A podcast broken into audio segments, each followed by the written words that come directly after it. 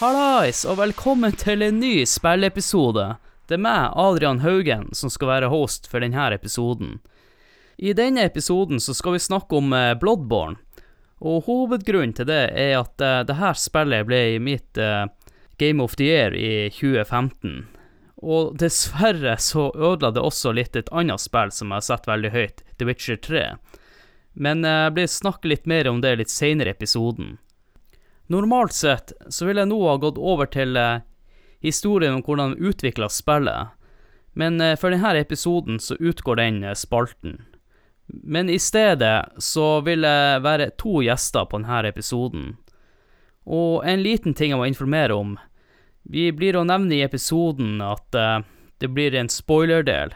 Jeg er litt usikker på uh, uh, hvor mye vi egentlig spoiler av spillet. Og for dere som ikke har spilt spillet, så vil vi gi beskjed når det går over til spoilerdelen av Bloodborne. Men jeg anbefaler dere også å sjekke ut eh, når vi rater spillet, for det kan gi dere indikasjon på om dere har lyst til å teste det ut eller ikke. Og fra vi nevner at vi går over til spoilerdelen, så tror jeg dere kan hoppe til rundt en og en halv time i episoden. Da tror jeg det er bare for oss å ta imot eh, episodens gjester.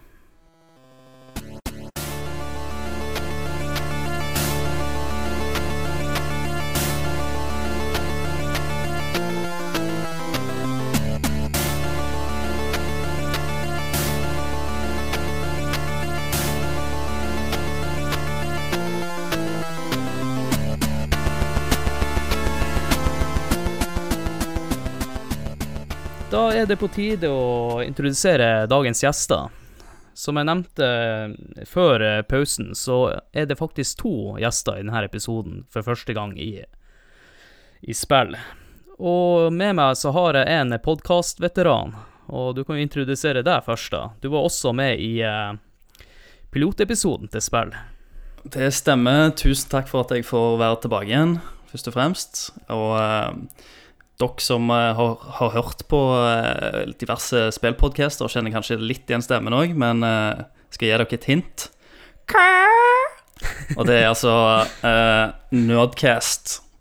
Uh, så det er Christer Runde som da er med uh, i denne episoden av Spill. Og eh, ja, eh, har vært med på Nerdcast, eh, The Ass, og akkurat nå så eh, lager jeg eh, verdens beste podkast med min makker Tommy Jørpeland. Øh, Kan du eh, reklamere litt for hva den handler om, den nye podkasten deres? Ja, vet du hva, det, det lurer jeg litt på sjøl. fordi at eh, tittelen er jo ganske pompøs. Verdens beste pod podkast. Så det handler vel egentlig om reisen til å skape verdens beste podkast. Og eh, den eneste røde tråden er vel at det er meg og Tommy som snakker om hva vi vil. Ja. Eh, og så drar vi inn litt gjester av og til. Så det, det er en veld, veldig fristående suppe, da. Men det, det skal jo nå være ganske eh, lett å høre på. Det høres ut som annen podkast jeg vet om, men eh, den går bare nedover, i hvert fall. Oh, ja. Den begynte på toppen, og Jan eh, ja, Der sa jo hva du heter, så nå er det på Og du tilhører jo den podkasten jeg nevnte nå. Å ja. Du tok av ikke. Å, hva faen. Uh, ja, det er meg, Jan. Det er vi tredje hjulet på alle podkastene. ja. Ja, grunnen til at jeg har invitert dere, det er jo at uh, dere har også et eh, godt forhold til det her spillet. Mm, det stemmer. Ja, da blir det spennende å finne ut, eller eh, i hvert fall diskutere, om det spillet er like godt i dag som det var for fire år siden det kom ut. Når vi har fått, eh, fått noen år på oss, i hvert fall. Mm. Eh, da lurer jeg også litt på eh, hva deres relasjoner til spillet og eh, deres førsteinntrykk når dere starta det. Hadde dere spilt eh, Soul-serien før Bloodborne? Ja, skal jeg, skal jeg starte? Ja, gjerne. Eh, jo da, eh, jeg kjente jo veldig godt til denne serien, til Soul-serien som du kaller det. Eh, jeg kjøpte faktisk Demon Souls eh, til PlayStation 3 en gang i tida, fordi at jeg syns eh, lanseringstraileren så så tøff ut. Så jeg kasta meg på dette her medieval-greiene. Jeg var jo fan av RPG-er og egentlig litt sånn actionspill, så det så kult ut. Og så kasta jeg Prøvde jeg Starta jeg spillet, kasta meg i det, og så fikk jeg juling. Eh, Jeg sto veldig fast, og jeg skjønte, det var veldig mye av det spillet som jeg egentlig ikke skjønte. Um, så det, en- høres, høres det veldig høres kjent ut. jeg ble sånn eh, Jeg fikk en dragon punch av første fienden. Uh, men det var, det var egentlig meninger da, i det spillet der.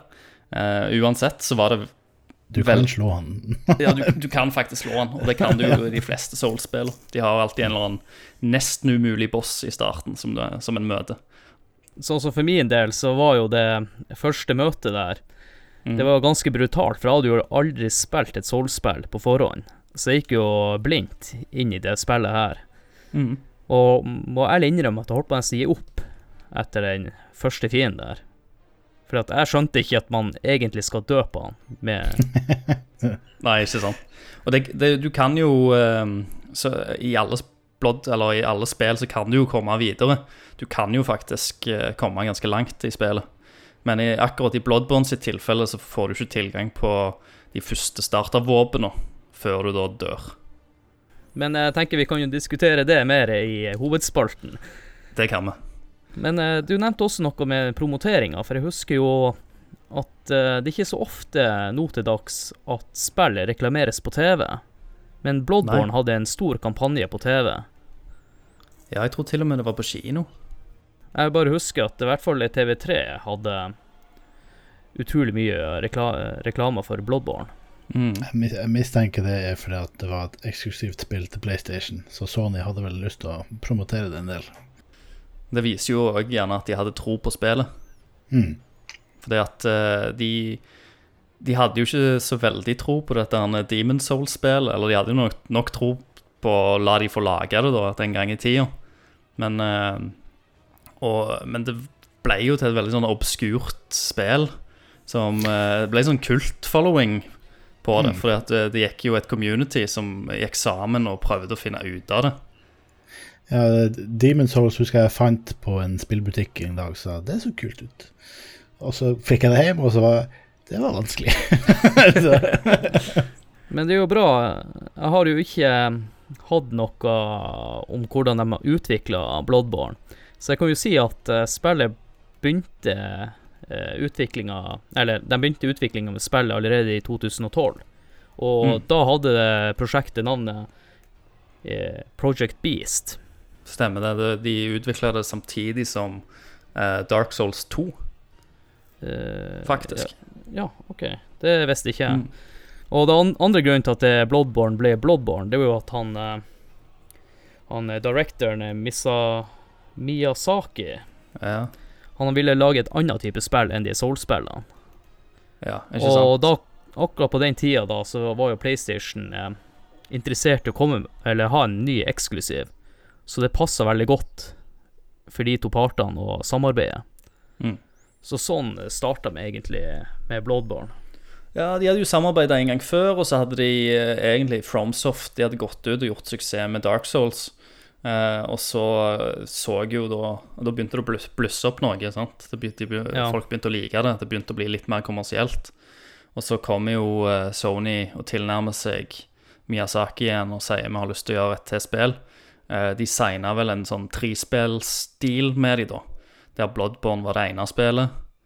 Eh, og så skal de lage noen andre spill som ikke har kommet ut ennå, sammen. Vi får nå håpe at det blir Bloodborne 2, da. Ja, ikke sant? Det er jo eh, Det er jo ikke helt eh, det, det var vel det var jo From Software som kom med det ninjaspillet, var ikke det? mm. Sekiro. Leo, er det? Se- Sekiro. Ja. Sekiro. ja. Ja. Eh, Neo var jo er jo Der har de jo tatt uh, sjangeren og prøvd å lagt Prøvd, prøvd å lage et Souls-like spill. Mm. Uh, men de har gjort nok til å la det føles som noe eget òg. Det, det er ikke kun en sånn eh, blå kopi av det. Så Som veldig mange Souls-like-spill er. Ja, du hadde jo det der eh, Der alle gikk rundt i sånn gigantisk rustning. Jeg husker ikke hva det het engang. Det var i hvert fall et jævla elendig spill. Ja. uh, Jeg vet hva du snakker om, eh, jeg husker heller ikke navnet. Jeg gjorde litt research til episoden, så ble det spillet nevnt. det var Det var skikkelig drittspill. Men det var jo grunnen til at eh, Hideo Miyazaki ikke hadde regien på Dark Souls 2. Det var pga. på grunn av Bloodborne-prosjektet starta. Eh, så da ga han Og det kan merkes. jeg var ikke noe fan. Nei, ja. Han, eh, det var flere som, som merka det, kan en si. Og han, eh, han eh, kom jo litt tettere på eh, Dark Souls 2-prosjektet når DLC-ene kom ut. Da fulgte han prosjektet litt tettere. Og DLC-en Dark Souls 2 er kanskje de, det beste med hele spillet. Men jeg hører jo nå allerede at det kanskje man må lage en Dark Souls-episode. det er jo bare snakk om Dark Souls. Ja, men Men det er his his historien fram, Ja. fram til dette Ja. spillet. du må Eh, nesten men- prate litt om de for å prate litt om Bloodborne. Ja da, jeg skjønner det, men jeg bare hører med en gang at det kunne vært interessant å lage en eh, Dark Souls-episode på et senere tidspunkt. Men for å ta mitt uh, førsteinntrykk Ja. av uh, Bloodborne, så hørte jo jeg om Project Beast, og eh, jeg så trailerne. På den tida så var jo jeg superfascinert av Dark Souls. Jeg elsker Dark Souls. Så når jeg så eh, eh, Bloodborne for første gang, så var jeg faktisk ikke helt solgt. Jeg tenkte dette her så litt Jeg digga ikke settingen. Jeg syntes det så litt for mørkt ut. eh, Det var ikke Jeg følte det ikke på samme måte som jeg liksom med en gang jeg så Demon Souls-traileren, så tenkte jeg yes, dette er for meg. Det hadde jeg ikke på, på Bloodborne. Eh, og så gikk jeg på SpillExpo eh, før spillet var kommet ut, og de hadde en sånn demostasjon. Og da spilte jeg spillet for første gang. Og det, der startet du liksom fra begynnelsen av. Du fikk, jeg fikk ti minutter med spillet. Uh, og jeg bare syns det var litt drit, for å være helt ærlig. Eh, jeg, jeg var liksom Jeg var så mye mer investert i det der eh, litt mer sånn defensive gameplayet til, til, til Dark Souls akkurat da, og som sagt Og jeg, så, jeg var ikke sånn stor fan av sånn eh, varulver og den type mytologi. sant? Eh, og sånn svære katedraler. Så, men, men, eh, men når det er sagt, da, så har jeg tatt en 81. Eh, men dette var liksom min inngang til spillet, så jeg hadde veldig lave forventninger.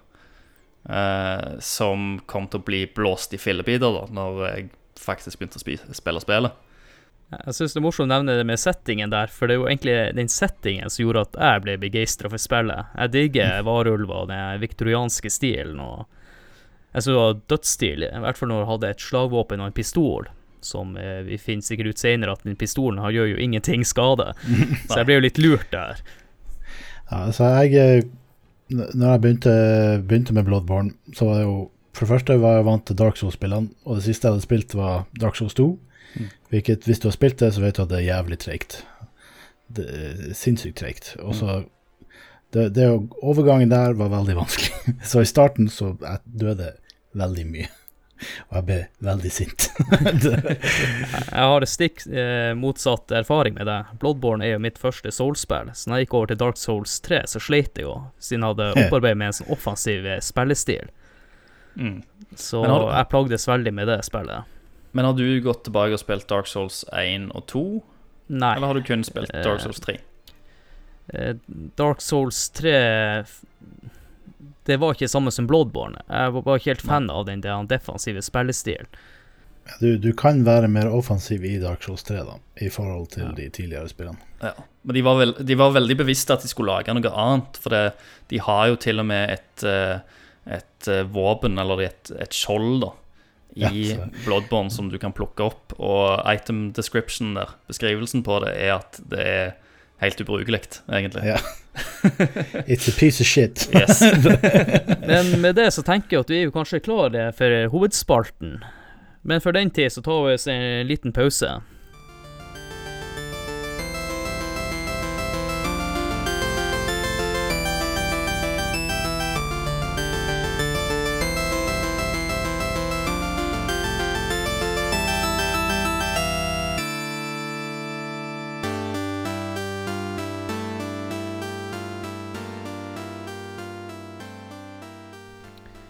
Da er vi klar for hovedspalten, og jeg tenker det første vi kan snakke om, er backstoryen, eh, kort fortalt, at det ikke går helt i Det, det er vel ikke egentlig helt sånn tydelig hva som skjer. Nei, men det er det jeg syns er genialt med spillet. Du, du er nødt til å utforske litt sjøl. Du, du låser opp etter hvert litt mer, du skjønner litt mer etter hvert. Men hva er det man vet i starten? Den er jo litt sånn kryptisk. Det er veldig kryptisk. Du, du får en innsprøytning av noe som skal gjøre noe, og så good luck, have fun. Eh, du, du våkner opp på et eller annet operasjonsbord eller i sykestua eh, etter en liten eh, hallusinasjonssekvens, kanskje litt sånn drømmeaktige greier, der du ser noen sånne små vesener og en brennende varulv som kommer, og så etter en gammel mann da har prata litt. Det er vel han som set, deg setter i sprøyta. sprøyta. Ja. Og, så, og så våkner du egentlig opp der og får eh, utforske verden. Vi møtte en ganske reell varulv. Og som jeg sa, det, akkurat den sekvensen der holdt på å ødelegge spillet for meg. Fordi at jeg har aldri spilt et Soul-spill før, og jeg var ikke forventa at jeg skulle slite med den første fienden. Jeg trodde jeg sugde baller, rett og slett. Ja, det er Men det er jo meningen du skal dø. Ja. Um, og når du dør, da, så blir du jo frakta til ja, Da våkner du opp en ny plass. Uh, som uh, Der du uh, finner disse her våpnene dine, som du kan plukke opp. Akkurat første gangen når du våkner opp der, så er det vel ikke noen NPC-er. Du finner vel ei, ei livløse dokke. Ja, og så er- kommer de små gnomene. Ja, de- det Eh, det er sånne små gnomene. Det, det var egentlig de du så i drømmen. De ser ut som små foster. Ja. Så, Så det er egentlig alt du får vite i starten av spillet. Ja. Men det er litt eh, det, er litt det som eh, Altså, hele spillet har jo en sånn følelse av mystikk. Alt er veldig kryptisk. Du har en del cutscenes i løpet av spillet. Jeg prøvde å forklare dette til en kollega i dag, og så, og så, og så er det sånn der at uh, du kan egentlig spille gjennom hele spillet uten å skjønne en drit. Uh, bortsett fra at du skal liksom hakke deg gjennom uh, denne byen og ta x antall bosser, og så når spillet da slutter, så Ja, så var det det. Så har du, så har du liksom kost deg med gameplayet. Ja, du, Ja, ja, det er som du sier der, du har et godt poeng at uh, spillet er, Den storyen er en bonus, og du blir belønna hvis du har lyst til å følge storyen og prøve å oppklare ting og lese ting. Men eh, som du sier, hovedfokuset er vel gameplayet i spillet. Ja, absolutt. Det har du vært. Eller det, det er jo det er jo De som er spesielt interesserte, de kan lese mye ut av For hvert, eh, hvert et item i, i spillet har jo en beskrivelse. Eh, og hver beskrivelse gir deg en liten puslespillbete. Som du da etter hvert, så du samler eh, flere items og ting, og leser disse beskrivelsene, og så får du et mer og mer fullstendig bilde av både verden, hva som har skjedd, karakterer og den, den type ting. Men allikevel så er det ting som er utelatt og latt til liksom spillerens egen fantasi. da. Men du får iallfall et, et inntrykk av eh, Et tydeligere inntrykk av hva som har skjedd. Eh, men, men det blir du beløn, belønna med hvis du gidder da, og tar den innsatsen det tar å lese gjennom alt. og, du, ja, og du trenger ikke nødvendigvis uh, være motivert av storyen for å utforske heller. Det er bare gøy generelt å utforske. Ja. Det, det er så kjapt gameplay og veldig tilfredsstillende øh, kamp at det er, bare, det er bare gøy å løpe rundt og slåss. Og spillet det belønner jo det å utforske verden. For du kan finne mye kule items og våpen med å rulle rundt ei, holdt på å si, en liten eh, kant eller noe sånt. Noen ganger dauer du, men eh, det er sånn spillet er bygd opp. Du må av og til prøve å ta noen risker. Ja, og så aldri, aldri stol på notatene på bakken. shortcut ahead. det, det er ingen shortcut der. Jeg, eh, for det, det er jo et sånn gameplay-element, for det at folk kan jo legge igjen beskjeder på bakken, så du kan liksom lese. De òg er nokså sånn kryptiske. Og det er jo begrensa hva en kan skrive ned. Ja, for du må bruke sånn ferdig samsatte setninger. Ja. Du kan ikke skrive sjøl. Og eh, det er på en måte en del av liksom online-opplevelsen, da. Så hver, etter jeg ble kjent med det, så hver gang jeg har spilt et Soul-spill første gang, så har jeg egentlig plugget ut internetten. Fordi at oh, ja. selv, selv om det er noen av de der beskjedene som da òg er eh, leder deg feil vei, så er det òg ganske mange av, deg, av de som faktisk hjelper deg. Og mm. jeg vil heller bli eh, overraska enn å lese om hva som skal skje, og forvente hva som skal skje. Ja. Iallfall etter jeg har spilt en del sånne spill. For da kan jeg liksom Første gang du spiller det, så er det sikkert greit. Da tenker du ikke så, så veldig mye over det. Men når du da har vært igjennom en del, så begynner iallfall jeg å forvente at OK, her, her må jeg være forsiktig. Her, jeg, her kommer det et hint. Her er det et eller annet som kan ei felle som detter fram, eller et eller annet. Ja, det er det fine. Du trenger ikke nødvendigvis heller å se på notatene som folk legger igjen. Det er veldig mye sånn eh, eh, ledetråd bare i eh, environment. Ja. Altså du kan se det på bakken at her har det skjedd noe. Mm. Og kan kanskje skje noe nå òg, hvis du går dit. Så det er veldig mange sånn context clues. Det, sle det sleipeste de har gjort av sånne ting, da, eh, i sikkert alle spillene sine, det er i eh, eh, Det er vel Dark Souls 2, er det det som Eller er det eneren? Så, Sense Fortress. Det er eneren, det. Det er eneren, Ja. Når du kommer inn i Sense Fortress, så er det en heis som går oppover. Den eneste ledetråden du har, er at det er litt sånn blodsøl på, på bakken i heisen. Når du går i heisen, og den går oppover Hvis du bare ikke passer på, da, så kommer heisen til å bare kjøre deg rett inn i pigger, og så dauer du. Yep. Du må hoppe av. Du må faktisk hoppe av heisen. Og, eh, og den, er, den er ganske frekk, altså. Det er Eh, også du, vi snakker jo vi ja. litt om eh, Ikke meningen å avbryte dere, men vi snakka litt om i starten eh, Du nevnte, Christer, at når du havner inni Etter du dør, så havner du i en plass som heter The Hunter's Dream. Ja. Og eh, der har du muligheten til å velge våpen. Men jeg tenker Før vi snakker om de våpnene, så kan vi også eh, si at du må jo lage din egen karakter. Mm. Og der, når du lager karakterene, så kan du velge egen klasse og sånne ting. Men jeg har ikke skjønt Jeg tror ikke det egentlig har noe innvirkning på selve spillet i hele tatt, hva du velger som din bakgrunn. Nei, du kan velge kjønn, og du kan velge eh, forskjellig bakgrunn og sånt. Det har litt på bare start-skills å gjøre, egentlig, og hva level du er når du starter. Start, Start. Men egentlig så kan du, kan du velge hva som helst startkarakter og bygge den inn til, noe, til den karakteren du vil, og spekke den helt om. For den karakteren vi spiller, det er jo en hunter. Hva er hunterne sin oppgave i Jarnheim, der, Ja, ja, der man Jarn- starter, eller byen? For, for å gå litt dypere inn i denne eh, låren, da, sant? Eh, settingen er at du er i denne den her byen Jarnheim, Jarnheim som, eh, som er, er liksom overrun med beist og varulver og ting og tang. Og eh, eh, da har du noe som heter The Hunt, eller det Hva hva er det den heter? The Ja, Night the Hunt. heter, The The Night of the Hunt, eller noe sånt.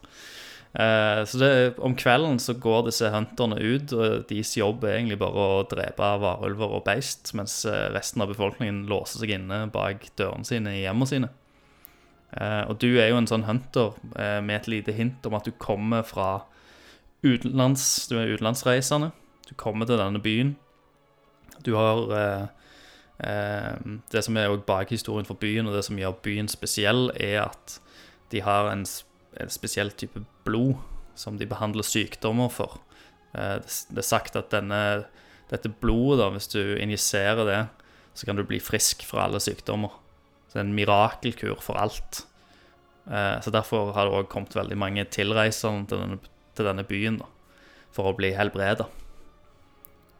Men så har du òg denne her, denne epidemien, og at det er masse monstre rundt omkring. Ja, så de alle har låst seg inne i bygningen. Ja, ja.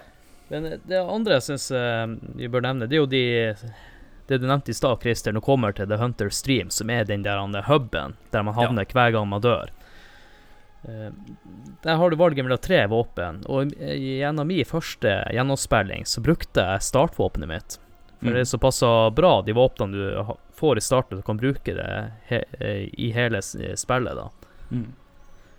Ja, det, det gjorde faktisk jeg òg. Jeg brukte startvåpenet helt til siste boss, og så brukte jeg òg startvåpenet gjennom DLC når den kom ut. Um, jeg har testa de andre òg, men uh, det er liksom jeg, jeg, Det var den såkliveren jeg brukte. Ja, det var samme eh, våpen som jeg også brukte. Men Jan, du brukte vel eh, et annet våpen? Eh, Jeg brukte såkliveren helt til jeg fikk hammeren.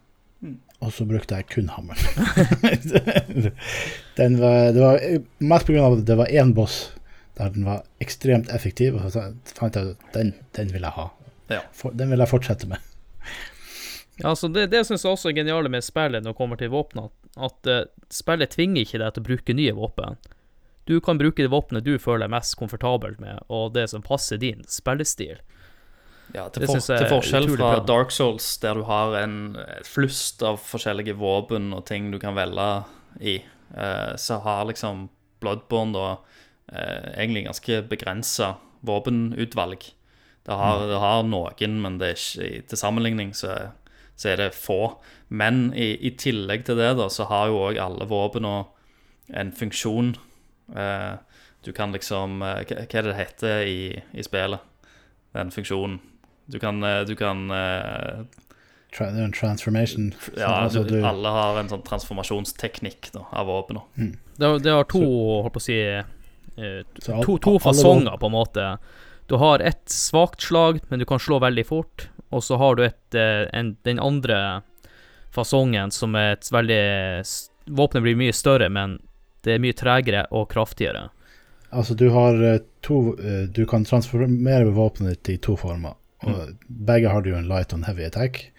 Og så har du et sånn overgangsangrep som er liksom I angrepet så konverterer du til den andre formen. Og så det liksom Du kan, kan du kjøre litt sånn komboer og Ja. hvis, du, hvis du, man er fancy på det. Ja, absolutt. Og det spe, og spillet her, da, sant og de, de ville vel påstå veldig at dette her er liksom en helt annen greie enn Dark Souls, som var, som vi snakket om tidligere, er veldig defensiv spillestil. Folk gjemmer seg mye bak skjold. Eh, her ville det jo at egentlig spillerne skulle gå litt mer rett på fiendene og være litt mer in their faces og, og hakke, hakke løs. De har òg en eh, implementert en sånn gameplay-ting som gjør at du kan vinne tilbake liv eh, etter du har blitt slått av fienden. Hvis du, hvis du er liksom rask nok til å slå tilbake igjen, så kan du Ja. gjenvinne helse. Ja, det er morsomt å nevne fight, eh, den fighter-delen av spillet. Jeg tenkte, eh, jeg tenker vi kanskje kan gå litt senere og snakke litt mer i detalj om den.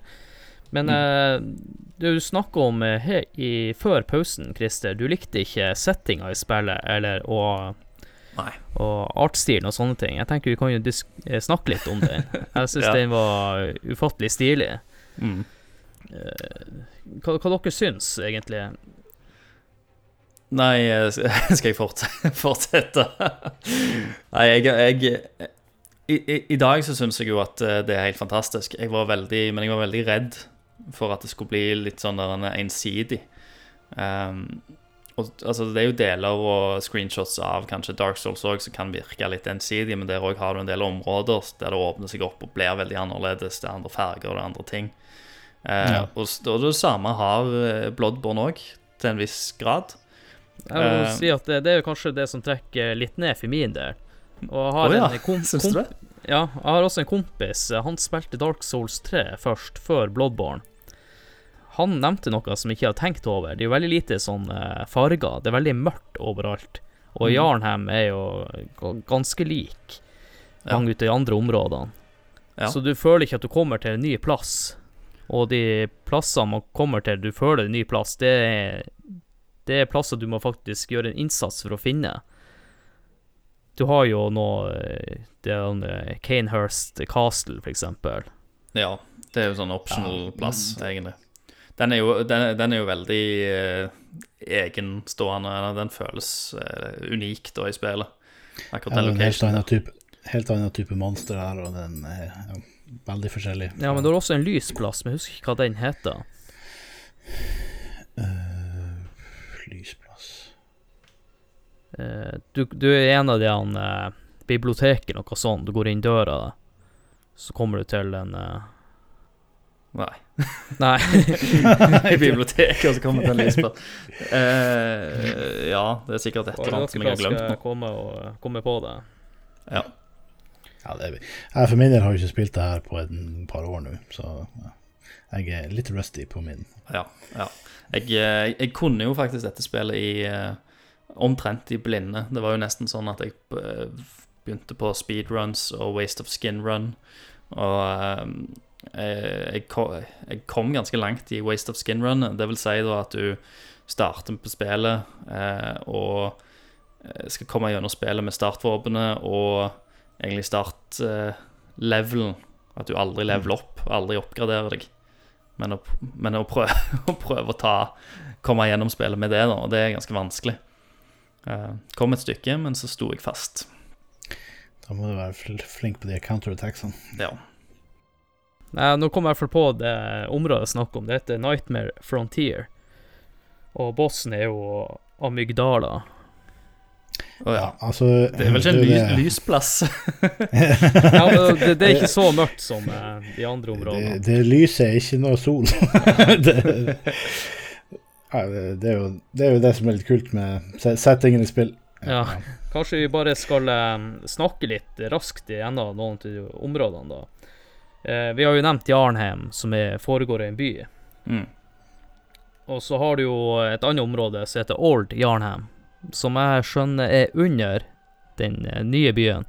Det er en gammel del av byen. Ja. Og det er bare Det er en gammel del. Jeg trodde det var Mm. under selve byen. Nei, du, du går gjennom en port, og så Ok. ja, Jeg tror det er bare en, en eldre del av byen, og. Og der har det jo skjedd litt drit før egentlig spillet starter. Ja. Eh, der har det Det har det har egentlig Beistan tatt over. Ja. Eh, på en måte byen har eh, Eller eh, de som bestemmer i byen, har på en måte stengt dette området og egentlig prøvd å brent eh, Brent innbyggerne der pga. Eh, Mm. denne sykdommen som spredde seg. Så, så det eneste de fant ut, var egentlig å lukke porten og sette fyr på det. Så er det jo Det er jo faktisk eh, ting som har overlevd der inne, og folk òg, selvfølgelig, da, men det er en del av, den, av plottet. Ja, spesielt en veldig irriterende person. Ja. Det er det. Det er en, eh, det er en sånn NPC-fiende som eh, Gjør livet ditt veldig vanskelig der inne. Ja. det, det, var, det var kanskje første sånn skikkelig difficulty spiken jeg møtte i spillet. Der står han med en et maskingevær, holdt jeg på å si, på et, et tårn og skyter deg ned hvis du bare så vidt kikker fram bak eh, steinrøysa. ja, vi kan jo diskutere de eh, hunterne etterpå. Jeg tenker bare at vi får litt struktur, sånn at vi eh, Er det noen uh, Vi trenger jo ikke nevne alle områder, men uh, du har nå Jarnheim, Old Jarnheim, og så kommer du til det Så er det sånn skogsområde også. Og en av de skogsområdene eh, Det er vel det mest åpne, men òg det mest uh, uoversiktlige området i spillet. Med tanke på sånn lev level design. Ja, for førstegangsspillere så kan det fort, kan det fort gå deg vill. ja. Men jeg tror det er det som er meninga med den skogen, er at du skal være litt Være litt lost, rett og slett. Ja, ja for, det, for til, til nå så har det vært litt sånn stier og blikkpunkt og sånt som du liksom De er veldig flinke når de da designer eh, spillet og, og gir deg ting å se på. Eh, og måten de plasserer items og sånt, så, som da gløder. Eh, og hvordan de lyssetter. Så du får, de, de leder blikket ditt. Men det de òg har en tendens til å gjøre, det er at når de da har leda blikket ditt på et punkt, så kan det være at de borti skyggen der, der du ikke skal Mm. se, at det er en åpning der òg. Eh, der, det er noe, der det er noe gjemt. Så det er viktig å òg lete litt og finne sånn skjulte områder. Men de er ekstremt flinke til å bare ja, lede blikket til hvor en skal gå, og, og, og føre, føre spillerne videre, da. Ja, for byen er jo veldig sånn st- storslått, og det er også med kule med selve level-designet at du kan se ei bygning langt borte i horisonten, og så et senere tidspunkt i spillet så, kan, så er du på den sida av byen. Mm. Jeg syns det er utrolig kult. Av og til så blir man nesten bare stående og se, for det er jo så fantastisk. Ja, Ja, og så er det jo Det er jo noe som, som skjer òg, da. Du setter pris på veien du har kommet. sant? Fordi at du har, du har I og med at dette er et spill som mange ser på som veldig vanskelig, da, sant? så har de Du må prøve og feile, prøve og feile, prøve og feile. Sant? Så kommer du gjennom et eller annet område da, som du har liksom prøvd veldig mye, og så har du endelig klart å komme deg ut av det området. Og så kommer du gjerne opp på en eller annen sånn knaus etterpå, og så klarer du å se ned på det området der du nettopp har liksom vært gjennom. Så kan du liksom se ned på det. Der har jeg gått, og dette har jeg klart. Jeg har kommet så langt. Sant? Så låser du opp en snarvei til et sted du har vært tidligere. Ja, ikke sant? Det òg. Gir deg en snarvei. Så det, det er på en måte òg en måte som spillet belønner deg for å liksom stå på og ikke gi deg. Men det er jo veldig viktig du nevner noe med snarveier, fordi at eh, det er en ting som er veldig viktig i spillet. Du skal eh, låse opp eh, noe som heter lanterns, som Mm. fungerer som bonfire i Dark Soul-serien. Ja, checkpoint. Ja, checkpoint som du leder deg inn til uh, Hunter Stream igjen. Du kan reise mellom verden og Hunter Stream, og i Hunter Stream det er der du kan oppgradere våpenet ditt og levele deg sjøl. Ja, så det blir veldig mye reising fram og tilbake der. Og når spillet da kom ut, så tok det jeg tror det var 40-50 sekunders loadetid hver gang du reiste. Og folk Ja. klikka jo. Ja, for det var vel ikke sånn i uh, Dark Souls Nei, det var før raskere det da. her. Så det er jo jeg håper å si, nok, en liten negativ ting med spillet. Mm. At du må bruke så mye tid på å, å reise dit. Mm. Ja, I tillegg så hadde de jo ofte sånne beskrivende tek Altså teksten til de itemsene du kunne finne, var ofte i lo- Mens i Bloodborne så sto det bare Bloodborne. Det var ingenting å lese. Så, så ingenting. det var 40 sekunder med at du bare står stille på Bloodborne. Hvilket ikke var så spennende. Ja, for det snarveien er jo veldig viktig. Som sagt, eh, eh, å låse opp at det er raskere å komme til lanterns, og raskere vei å komme seg til bossene. For du blir jo død en god del i spillet. Mm. Og eh, når du kommer inn på den delen, så tenker vi kunne jo snakke litt om eh, karakterdesign. Om eh, Holdt på å si hvordan eh, du sjøl ser ut, og NPC-ene, de menneskelige. Jeg, jeg syns designet er utrolig kult på de, eh, de hunterne. Hunterne ser jo veldig sånn, eh, sånn gothic eh, eh, Litt sånn viktoriansk eh, sånn lang, lang skinnkåpe og eh, sånn trekanthatt og eh, Det ser litt pirataktig ut. Ja, ja, til- faktisk. til tider. Men det er jo eh, jeg tror, Sånn som det står i, i beskrivelsen på mange av de klesplaggene, så står det ofte at det er liksom designa spesifikt til å være sånn hunterklær. M- For mye tjukt skinn og ja, skal kunne ha, ha rask bevegelse. Mm. Så det er ingen tung rustning i spillet. Ja, og det er jo også det jeg syns var greit da i Bloodborne. Det var at uh, i Dark Souls-serien så veide jo de klærne og rustninga på deg. De, du fikk jo negativ effekt med å ha dem på deg. Ja. Mens i Bloodborne så hemmer det ikke på noen som helst måte. Nei, de vil at du skal spille raskt og være At eh, det skal ikke gå utover gameplayet på samme måte. Nei, Klærne har nesten ingenting å si i Bloodborne. Det er liksom, du, kan, du får litt sånn beskyttelse mot visse typer ting, men ofte så har det veldig lite å si. Mm. Fashion, fashion souls, kanskje. ja. det. Det, andre aspektet som jeg også likte å snakke om, de her eh, NPC-ene, det er jo Du har et område i Jarnhem, et sånn lite kloster, eller sånn det et chapel, som det heter, der du kan banke på vinduer og dører og hjelpe noen av dem. Så etter hvert så kommer de inn til eh, det området. Så det var litt eh, morsomt å se at de folkene kom til eh, det området og hadde lite samfunn der. Ja. Du kan jo vel, Det eh, velge å hjelpe folk langs veien, egentlig. Eller Men vi kan, jo, eh, vi kan jo avsløre, eller avsløre at det, det er en du ikke bør hjelpe. Ja, og du kan velge å sende de to plasser òg. De trenger ikke sende de til chatbord, oh, ja, men du kan òg ja, sende de til, til sykestua. Så det er litt sånn opp til hvem du stoler på, og hvor du vil at de skal gå. Så og hvor du tror det er trygt. Så du, du er hele tida litt sånn gjør, gjør jeg rett valg nå? Er det Ja, hva, hva kommer til å skje nå? Det var litt spoilery, kanskje, men det, det, det er veldig få gode avgjørelser i dette spillet. det, Men den ene NPC-en hjelper, har egentlig en sentral eh, rolle da for å få den beste slutten i spillet. Eller den beste, den siste slutten, vil jeg si. Ja, det er jo flere slutter. Um, og eh, for å få den siste, så må du òg samle sånn tre spesifikke items fra rundt omkring. Um, og så må du bruke de òg før, før slutten. Uh, men uh, ja, eh, hvor, hvor dypt vil du at vi skal gå inn på Nei, disse vi, jeg føler vi snakka nok om de, de NPC-ene, så jeg tenker vi heller kan snakke om det som er litt kulere, fiendene, da. Og design på fiendene. Ja.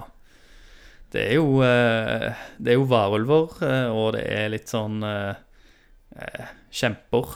Sånn, Jeg vet ikke hva jeg Sånn, sånn giants Hva er det du Nei, ja, og så har du jo Jeg vet ikke, de første fiendene du møter, om det er vanlige befolkninger, Ja, det er eller vanlige, vanlige innbyggere som blitt crazy.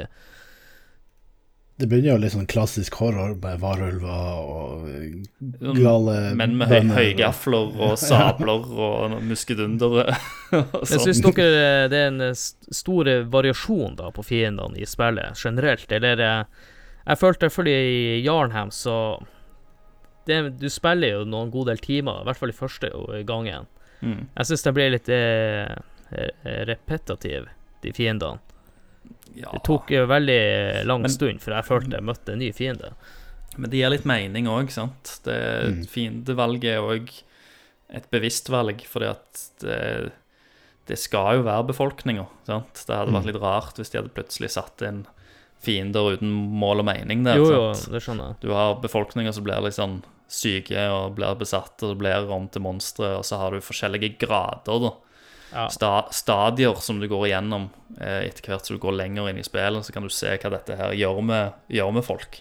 Jo, Også- vet du også- hva, jeg er enig med deg, Christer, likevel. Når jeg tenker meg om, så brukte jeg veldig lang tid første gangen, men andre gjennomspilling, så it makes sense. Og det, designet på fiendene er skikkelig, skikkelig grotesk. Ja. Altså det, det er veldig lite pent, men det er, jævlig, det er ganske stilig. Stilig monster. Ja. Men i, i, i tillegg så har vi ikke bare de monstrene der. Vi har jo også, de, de nevnte i stad, det er jo flere huntere i byen, Mm. og dem syns jeg er litt kule. Jeg misliker dem. det, det, det, spesielt han med pistolen, han som aldri går tom for kuler. Han eh, kan godt hoppe ut fra et stup. Ja, det, det, du får jo sjansen til å kaste den ut forbi ett hvis du, hvis du er heldig. Så, men eh, nei, eh, de fiender De syns jeg gjerne var noen av de mer vanskelige fiendene å ta til tider, og kanskje litt mer u urettferdige fiendene òg. For jeg, Fordi- jeg har en liten kritikk til akkurat det der, det FromSoft gjorde der, fordi at eh, de andre hunterne, de virker som de har evig med ammo Mm. til sidevåpenet ditt.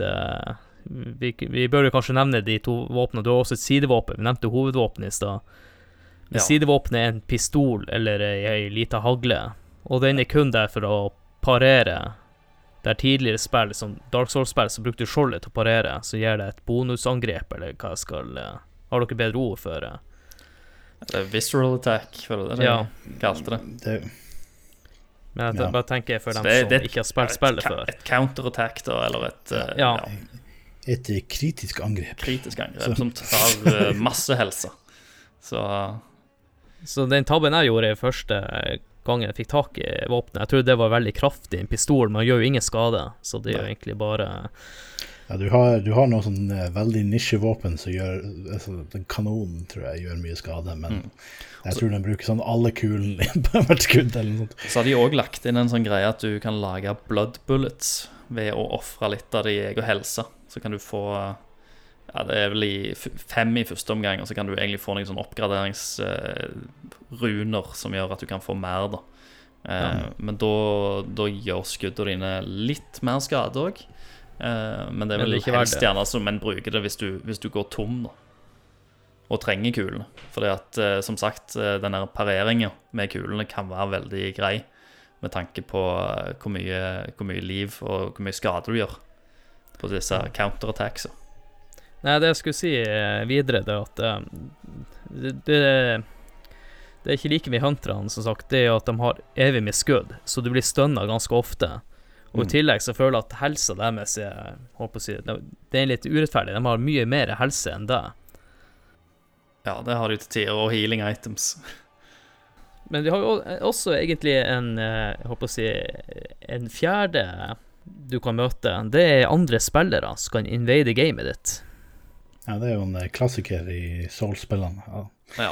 Nå, Og det, eh, har du det for godt, så kommer det en spiller og ødelegger dagen for deg. Og det er gjerne òg en av grunnene til at første gang jeg kommer gjennom et sånt spill, så plugger jeg ut nettverkskabelen, for jeg har ikke lyst til å bli invadert av en idiot akkurat når jeg er ferdig. Og jeg, jeg liker å bruke tid da, og kose meg med områdene og gå rundt og se og være forsiktig og sånt.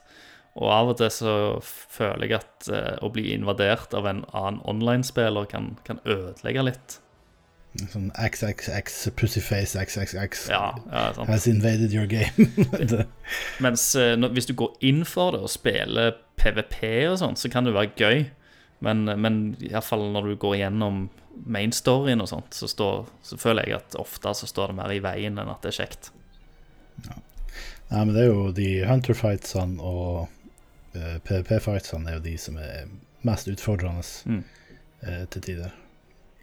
Ja, så har vi også til slutt eh, bossene. Men eh, jeg tenkte vi skulle snakke om en eh, Jeg tenker musikken i spillet.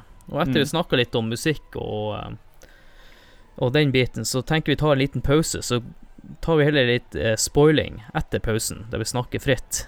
Så for dere som eh, ikke har spilt spillet, så anbefaler vi at dere eh, holdt på å si høre på podkasten etter eh, den pausen. Men før vi tar pausen, så uh, kan vi snakke litt om musikken i spillet. Ja. For det er jo ikke så mye musikk, i hvert fall. Det, eh, Nei, du har E- Eller lydene og sånne ting. jeg husker ikke om det er så mye det, det er vel litt ambient musikk i Hunter's Dream, mm. men ellers så er det vel bare bossmusikken. Det bossmusikken, og så har du òg den der intromusikken med hun der dameopera-greiene. Eh, men det er veldig stemningsfullt. Det, det setter deg i mood, moodet, og jeg føler òg liksom eh, Lyddesignet med liksom alt sånn knuse og disse splash-lydene og, og chop-lydene og alt i sammen. De er jo veldig høye, da, men men det, det fungerer, det veldig effektivt. Ja, det funker bra. For det, at, eh, det som også slo meg første gang jeg spilte det, at det var ikke noe særlig musikk når du gikk rundt i byen og sånn. Nei. Du føler at du er alene og springer rundt og Men det er også litt er litt viktig at, at det ikke er musikk, for at du Da spiller jo også på at du skal kunne høre. Ja, Man spiller litt omgivelsene. på sansene dine. Og hunder som bjeffer i det fjerne, kanskje, og så har du noen galne innbyggere som står og hyler Ja. eller skriker eller griner eller ler eller hva søren de gjør. Bare for å få det til å virke sånn uhyggelig og stemningsfullt. Ja, veldig sånn dystert og Ja. trist. De bruker Ja, de bruker andre virkemidler da enn en musikken ofte. For Ja, å få, det få deg er til sånn ambient, ambient lyd. Og. Men uh, jeg er jo egentlig en ganske sånn da, en kar som ikke liker eh, skrekkspill i det hele tatt. Jeg er jo en feiging når det kommer til sånne spill. Så jeg må innrømme at i Kanehurst Castle så slo jeg på uh, Super Castlevania-musikken. Og da ble det ikke skummelt i det hele tatt. Det ble egentlig ganske kult. Så jeg tenker uh, egentlig så er de nyeste Castlevania-spillene De heter Dark Souls og Bloodborne. Ja, Bloodborne er jo veldig Castlevania-aktig. Ja, Bare hiv på litt Bare- bassgitar og rockemusikk, så har du jo Castlevania. Men eh, når vi snakker om musikk Bossmusikken er veldig kul. Ja. Det, det er utrolig bra bossmusikk i det spillet. Eh, Det passer utrolig bra til de eh, fightene man har. Spesielt han Han er vel den første, han Gascoigne, ikke det? Nei, han er nummer to. Eller, nei, eller han er egentlig første, for den, andre- den jeg mener første bossen, det er egentlig en alternativ boss. Ja, Mm. du, trenger Ja, kanskje, ja. du trenger ikke ta han der han eh, Beast-tingen. Ja. Mm. Jeg har glemt navnet på boss. Det er så lenge siden jeg, har spilt dette. Men skal vi ta oss en liten eh, pause, da, så får vi summe oss opp, og så etter pausen så blir det spoilers. For dere som eh, ikke har spilt spillet, så anbefaler jeg at dere eh, kutter episoden nå. Ja, selv om jeg sa at jeg eh, eh, hata spillet når jeg testa det, og ikke likte det, så endte jeg opp med å elske det. Og jeg syns eh, per i dag at det er kanskje om Ja, det er det, det beste eksklusive PlayStation 4-spillet som er laga. Ja, det er Bare komme deg forbi første bossen, så er du inne.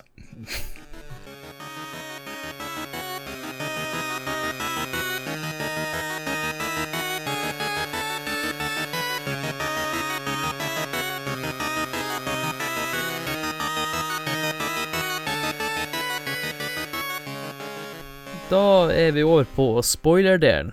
Og hva dere tenker vi bør eh, Eller hvor bør vi starte henne? Det kommer til å være litt uoversiktlig, så vi må bare, vel, bare begynne en plass. Jeg tenkte vi kunne ta litt hvordan spillet utvikler seg eh, etter hvert som du går igjennom. For det begynner jo veldig sånn gotisk. Altså litt sånn varulver og hekser og beist og monster og Stemmer. helt sånn standard stuff. Og så utvikler det seg, seg til, noe, til noe mye mer. Ja. Til og med noen Resident Evil-bosser, eller folk er jo der. Han Las Plagas Mm. Ja, det blir veldig, veld, veldig Lovecraftian Det gjør på, det.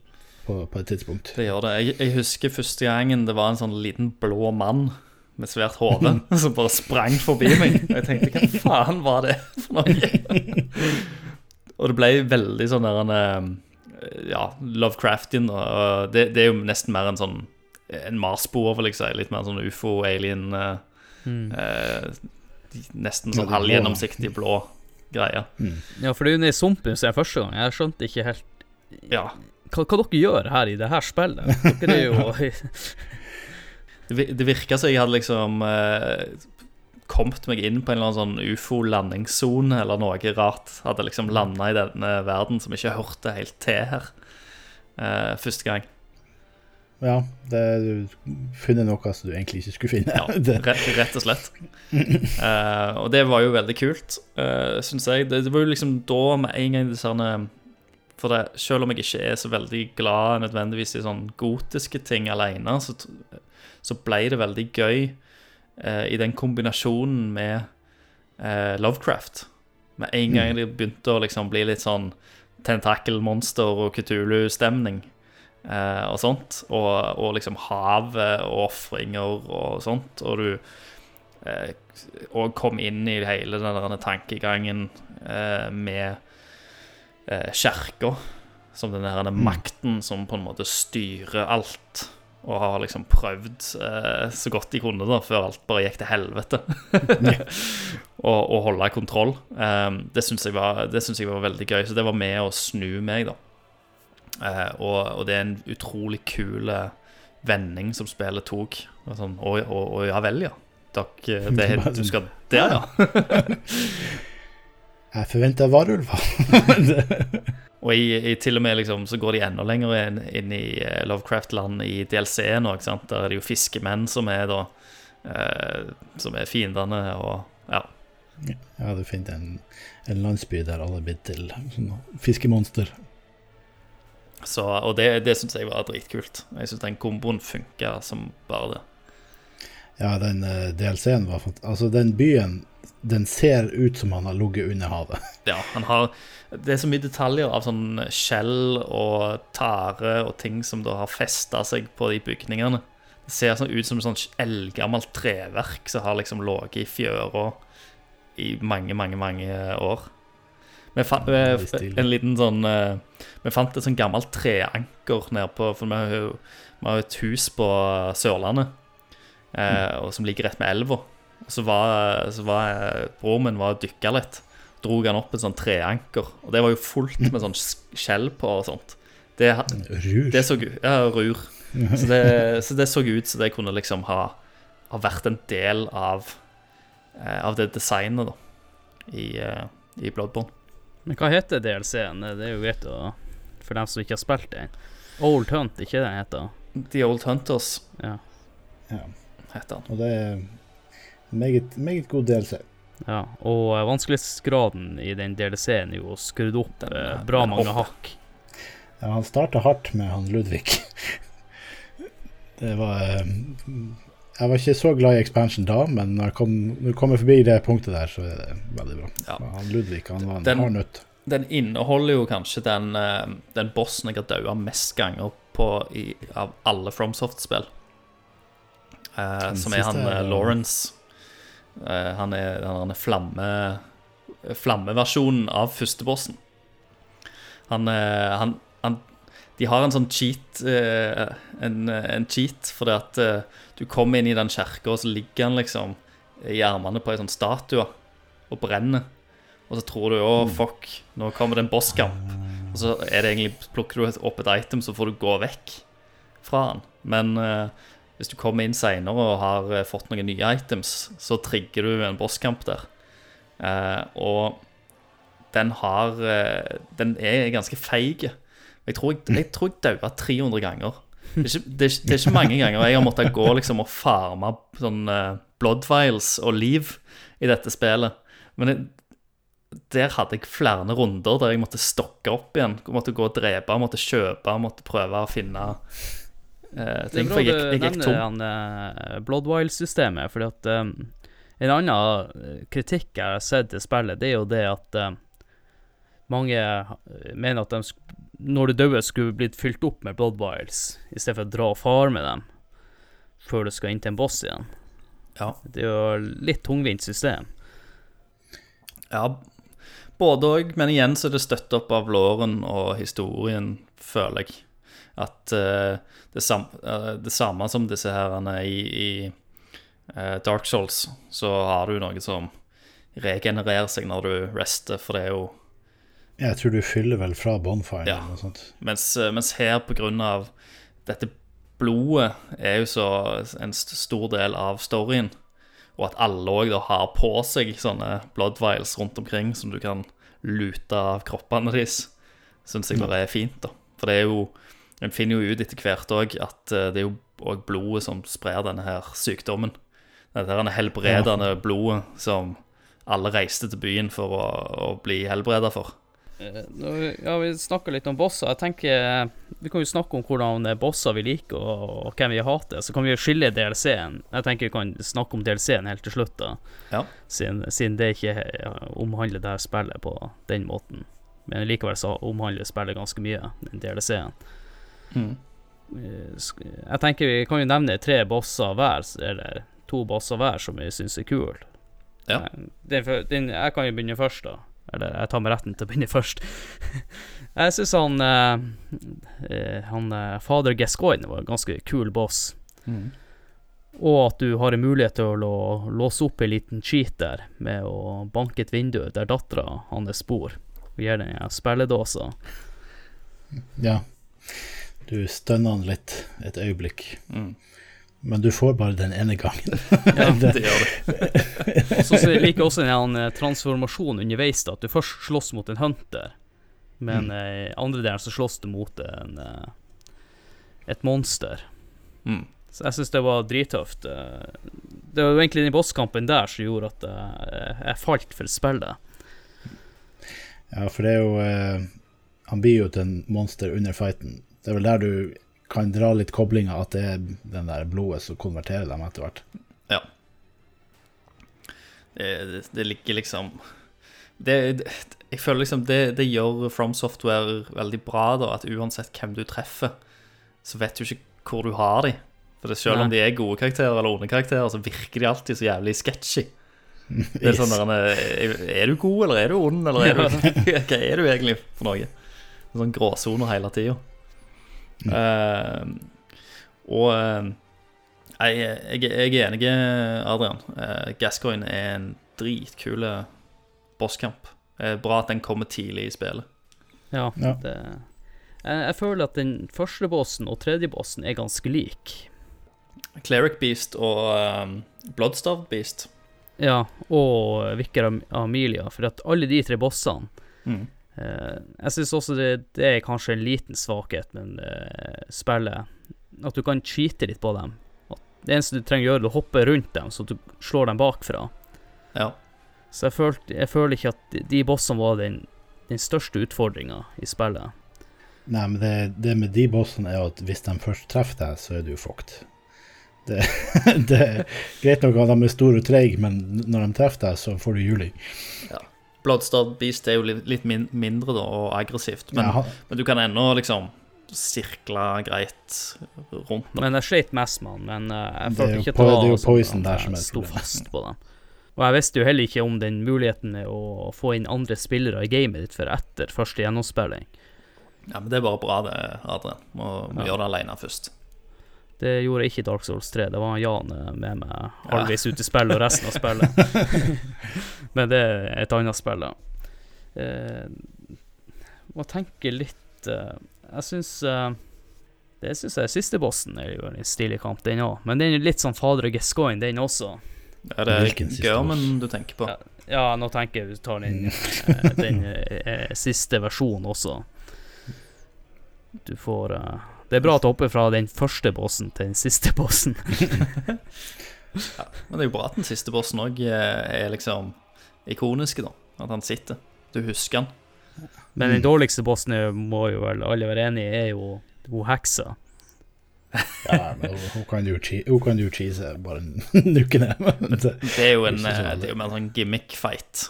Så med en gang du skjønner det, så Det er vel kanskje en av de letteste fightene eller bosskampene i spillet òg.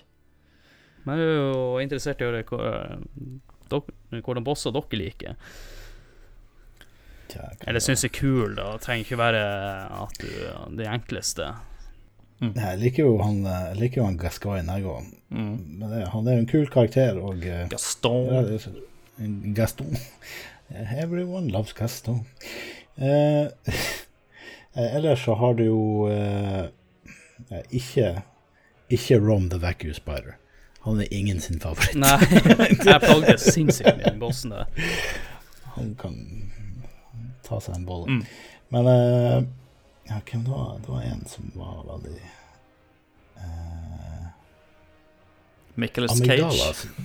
Ja, det Nicolas Cage. Ja, han eh, galningen i huset Ja, han er OK, men eh, det er, jo, det er jo ikke en boss, det er jo bare finne han. finne han og denge han. Eh, men ja, Amygdala er en stilig fight. Men det er jo også en litt sånn optional fight. Jo da, men det, det må vel være lov.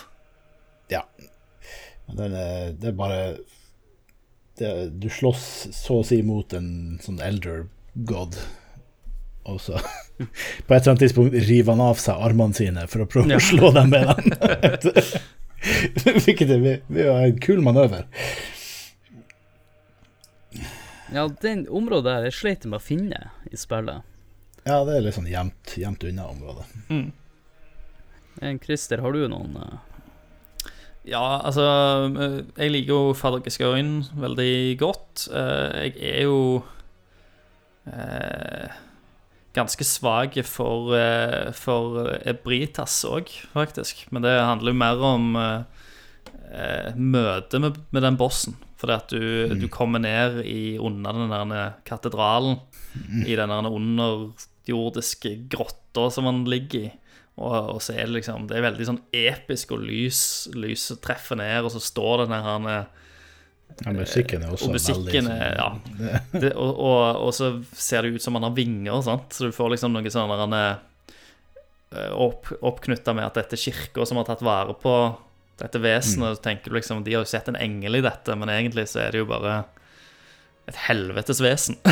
ja, et horri, horribelt monster.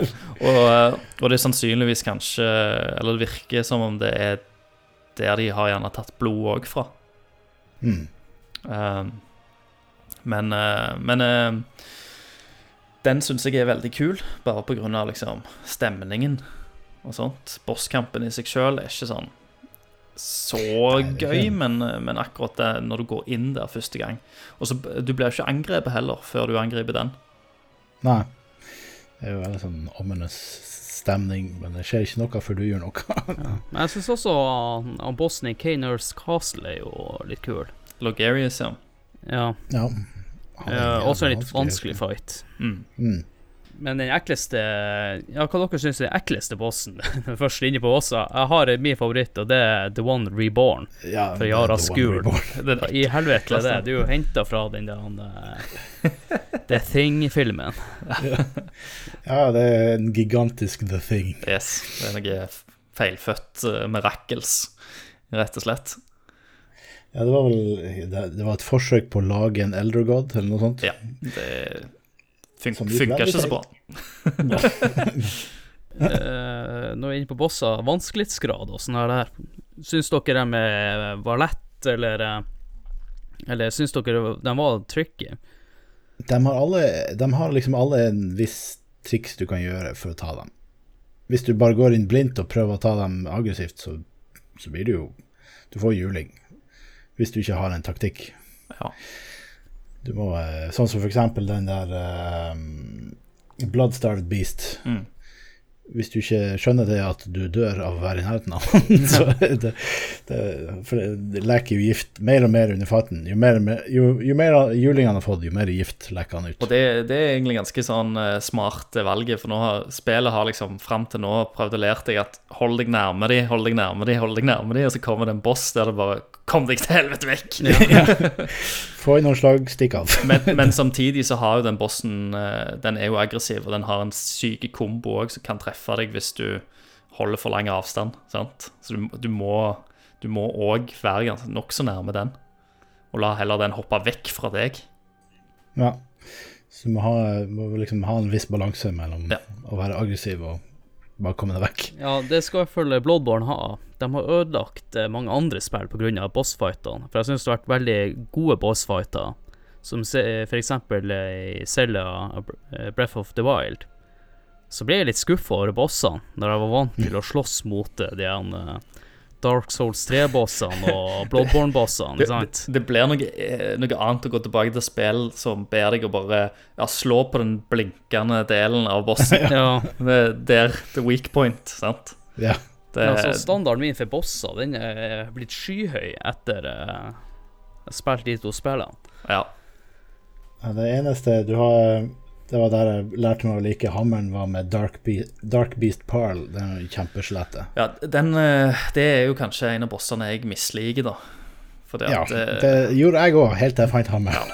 du, du gir han et godt slag med hammeren, så kollapser han, og da er det bare den hammeren. han. ja, han reiste seg alltid opp, og så er han veldig rask, og så kommer han seg vekk, og så eh, ja, lyner han. Gjelder Og, bare, gjelder bare å få inn det gode slaget med hammeren, så har du han.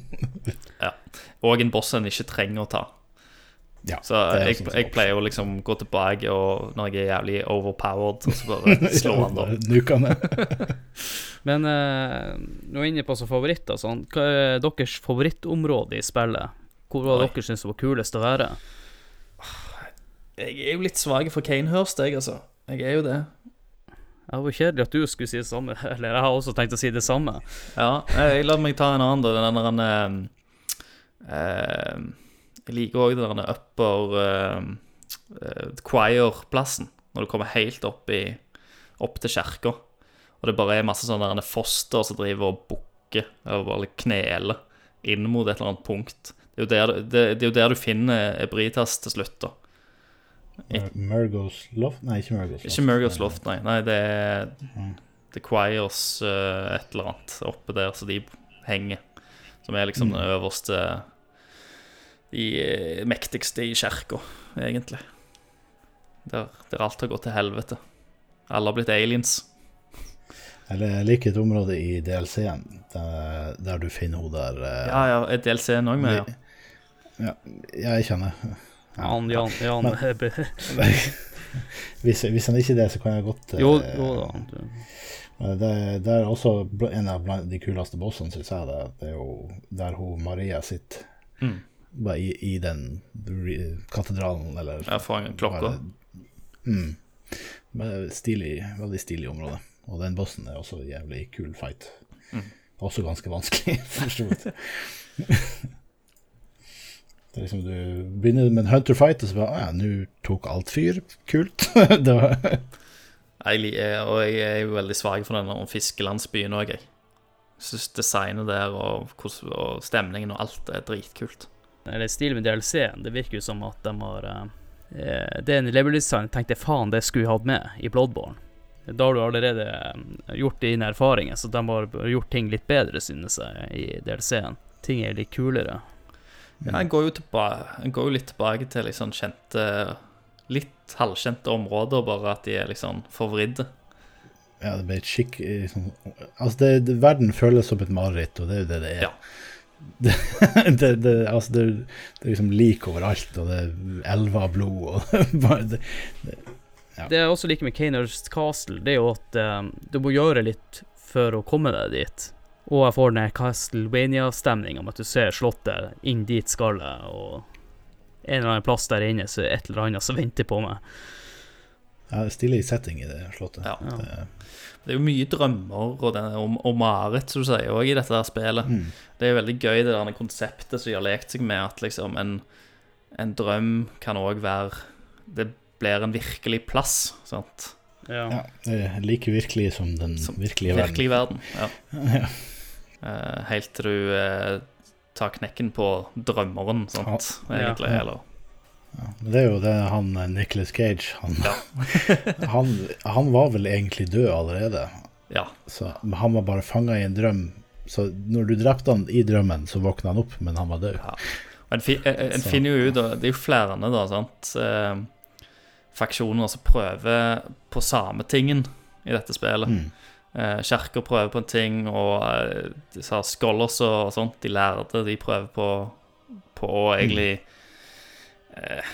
få eh, insight og egentlig utvikle seg sjøl fra menneske til å komme opp til neste steg på evolusjonsrangen og bli da en eh, greater one, sant. Eh, og måten de gjør det på, er jo forskjellige. Noen går eh, for dette her blodet og vier all tid til det. Mens du har den andre sida som er veldig eh, opphengt i insight og ikke tenkes, og syns blod er farlig, men eh, de får insight ved å liksom putte inn øyer, operere øyer inn i hodeskallen sin. Ja, Eh, for og, eh, og der, eh, der har du da noen da som ah, De som, de som klarer det, de, det, det skjer alltid noe, noe fucked med dem. sant? Eller de som har iallfall kommet lengst, og der er jo han Nicholas Cage da, en av de. For han har jo på en måte daua i virkeligheten, men han lever videre i drømmen, men virker som han òg har blitt galen i hodet. Han er jo Ja. ikke helt i vater. det, Den drømmen er jo ikke akkurat kjempekjekk. Vi snakka jo litt om eh, våpen i stad. Hvordan eh, våpen liker dere helst å spille med? Har dere testa ut eh, noen andre våpen som dere fant ut i ettertid var litt morsomme enn såkliveren? Du nevnte jo hammeren, da, men har dere mm. videreutvikla Jeg liker jo pizzakutteren. det hjulet? Ja. Den Det, store det skjønner jeg ikke på engang. Ja, pizzakutteren, det er jo DLC-våpen. Mm. Ja, det er nice. Men det, du har jo den Moonlight Greatsword, da, som er en sånn standard eh, eh, Ja, våpen som blir putta inn. Jeg syns det, det er kult design, den grønne smaragden. Ja, det Eh, og så kan du skyte laserstråler, holdt jeg på å si, med det. Ja, det våpenet jeg syns er kult, det handler også litt om storyen. Det er de knivene du får hos den ene NPC-en du møter. Det er en av de vennlige hunterne, hun med den kråkemaska. Ja. Mm. Jeg syns, det er drittstilig eh, at, at du får være med litt på hennes reise òg, da. At du slåss mot han der han Hendrik, eller hva det er for noe. ja, ja. Du, du, har jo, du har jo flere små historier, sub-historier, Ja. eh, på NPC-er gjennom spillet. Og da må du jo liksom du, for, for å få, med deg hele historien, så må du uh, møte dem på spesifikke plasser i løpet av historien.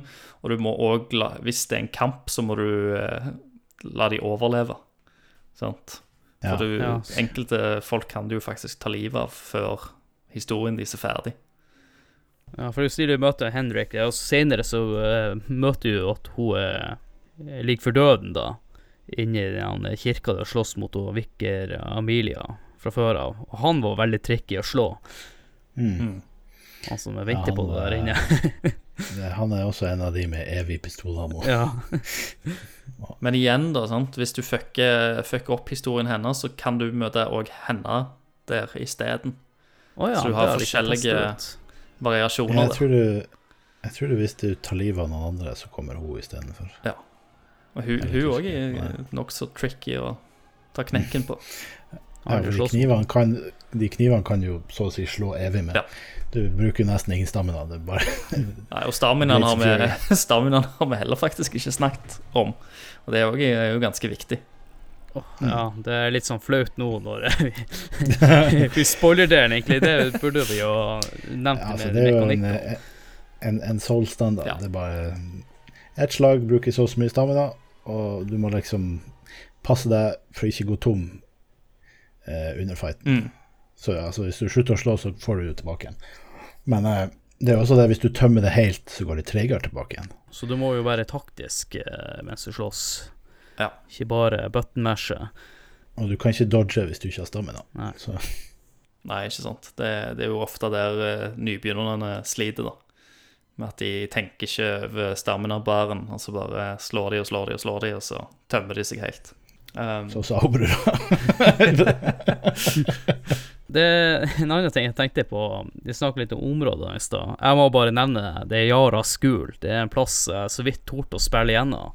Som sagt så er jeg jo en kar som ikke er glad i skrekkspill, og det var Jeg var jo søkksvett under armene og når jeg var i det Det området der. hjelper hjelper ikke at de slår sånne monster trucks heller. Nei, nei, var, nei, det var et område jeg ikke synes noe særlig om, da.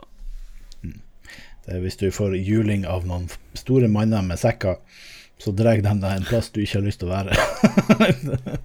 Men hvordan syns dere kontrolleren i spillet? For min del så eh, Jeg syns han satt skikkelig godt i fingrene. mm. Når du begynte å beherske Ja. dodging og alt det der, så følte jeg meg udødelig.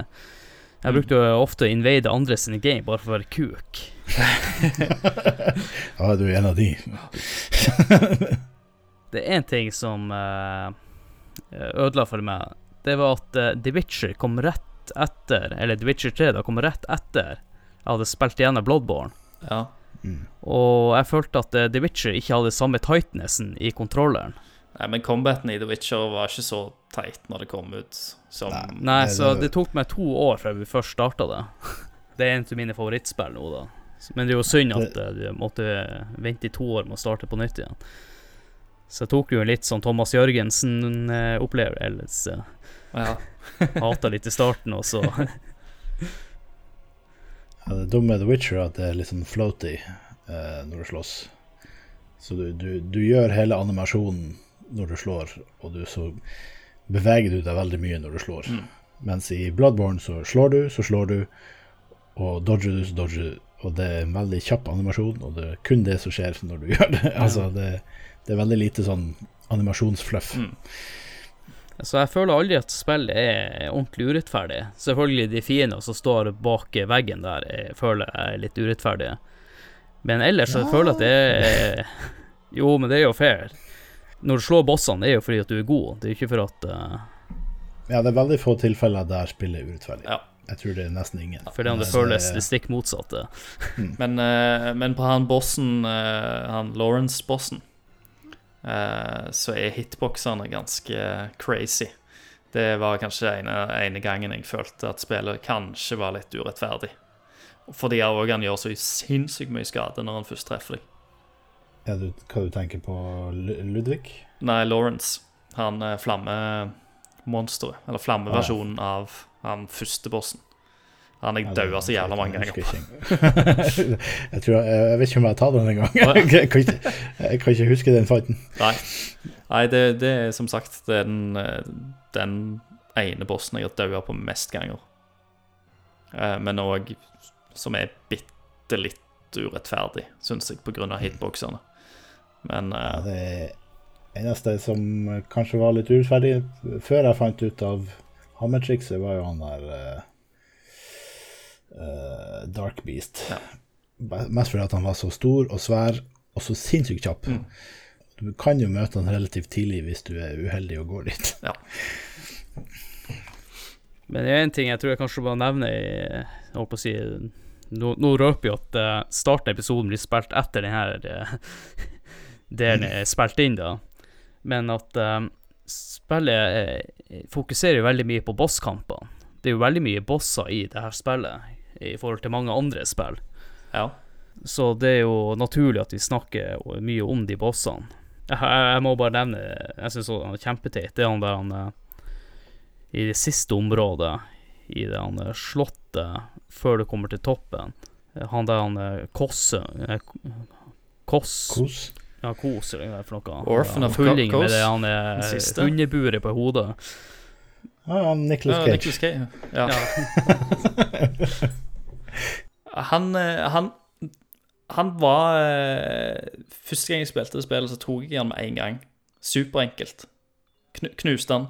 Og så prøvde jeg eh, Om det var andre gangen eller på Jeg hadde kommet på New Game pluss pluss et eller annet. Og da sleit jeg jævlig med han pga. at eh, han har et sånn arcane attack. Ja. Ja. Eh, og det var sånn one hit KO.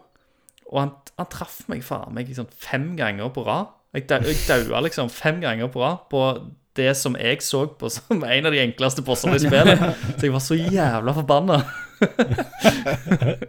det skulle Ja, jeg, ja. skulle jeg iallfall ikke dø. det, det må jeg også snakke litt om det han eh, New Game Plus eh, Jeg har spilt eh, Jeg tror til nummer, New Game Plus nummer tre, da. Ja. Men jeg, jeg følte ikke på New Game Plus at spillet var noe særlig vanskeligere, fordi at utstyret hadde, var såpass bra, de våpnene. Jeg følte ikke at det andre gjennomspilling var noe utfordring, det heller. Nei, jeg syns òg det er litt sånn De er, det er ofte litt, litt enkelt. Du får, de gjør eh, litt mer skade og har litt mer liv, men du er jo Iallfall i, start, i, i, i starten på spillet så er jo du egentlig overpowered. Og så Ja. ut gjennom spillet så blir det, jevner det seg bitte litt ut. Men jeg følte ikke det var noen særlig utfordringer. Og du Jan, du spilte vel nesten ikke New Game Plus, du starter bare nye karakterer. ja, altså, jeg Jeg vet ikke, jeg bare likte å spille gjennom spillet. Men, Men det er jo det, er jo det med disse her spillene, og egentlig alle Soul-spillene, er jo det at eh, spesielt for en ny spiller, da, så vil du jo eh, oppleve det at de plassene som du sleit med i starten, de er superenkle etter du liksom Når du starter på ny etter du har kommet gjennom spillet. Da får du jo liksom Da kjenner du virkelig på den eh, utviklinga du har hatt eh, som Ja. spiller. Fordi at eh, jeg eh, eh, har, har jo hørt om det var sinnssykt mange som satt fast på bare de der vanlige innbyggerne helt i starten der. De som driver og brenner det der bålet. Sto fast, daua på de ja. hundene og de der folka hele tida kom aldri forbi der. Og så sto de på, der kom gjennom, så nå springer de forbi der med en gang. Det er kjempeenkelt. Plagdes jo ei uke med det store bålet der. Jeg, jeg er jo vant til det, eller fram til da så er jeg vant til at du drepte en fiende, gikk videre, drepte en fiende, gikk videre. Mm. Men av og til spiller jeg overmanna, for plutselig kommer det fire-fem fiender samtidig, så har du ikke nok stamina til å komme unna. Du må gå litt taktisk til verk. Enten det, eller så kan det jo være en chicken shit og bare springe igjennom Ja, og håpe på at du ikke er død til du kommer på andre sida. Kjekt å ta skytteren, skytteren alltid først. Ja, det er de som er mest irriterende. Føler, føler dere at vi har snakka nok om uh, DLC-en, eller er det noe vi ikke trenger å gå noe mer uh, inn på? Nei, altså Det eneste på DLC-en vil jo veldig sånn spoiler-territoriet mot hva siste bossen er for noe. Jeg vet ikke om det er noe poeng å gå inn på det. Nei, jeg vet ikke heller om vi skal eh, diskutere de tre sluttene, kanskje. Eller så kanskje bare droppe det. Det kan jo hende at noen som ikke har spilt spillet, fortsatt har valgt å høre på. Mm. Ja, altså den, den ene slutten er veldig lett å få, og den enkleste slutten. Du sier 'ja, jeg vil våkne opp', Ja. og så er spillet ferdig. Ja. Du bare våkner opp, og så går du. Men jeg lurer på, er det noen som valgte den? Ja, jeg tror jeg prøvde den en gang. Bare for å Ja, ja, ferdig. men- som første gjennomspilling, Alle du speedrunnere velger den. Ja, men jeg bare tenker, som første gjennomspilling, så velger du å ta den. Eller ja, jeg våkner våkne opp, og så Ja, altså, altså hvis de ikke har lest noe Jeg vet ikke. Eller bare rask å trykke. Jeg Ja, ja. ikke orker å lese tekst, så Gidder ikke, det, ja, jeg gidder ikke å deale med valg. Jeg bare tar, tar noe. German er et, eh, han er en vanskelig fight, så det kan være fin å skippe den. En liten ting jeg føler vi må snakke litt om, det er den der uh, Chalice Dungeons, Ja, som ikke jeg spilte sjøl. det, det, det er noe du legger merke til, eh, hvor mye level design har å si. At det er mennesker som jobber med det, og ikke en datamaskin. Når jeg leste om disse Chalice Dungeonsene, eh, så hørtes det ut som en jævla kul idé, og jeg tror ideen var kul.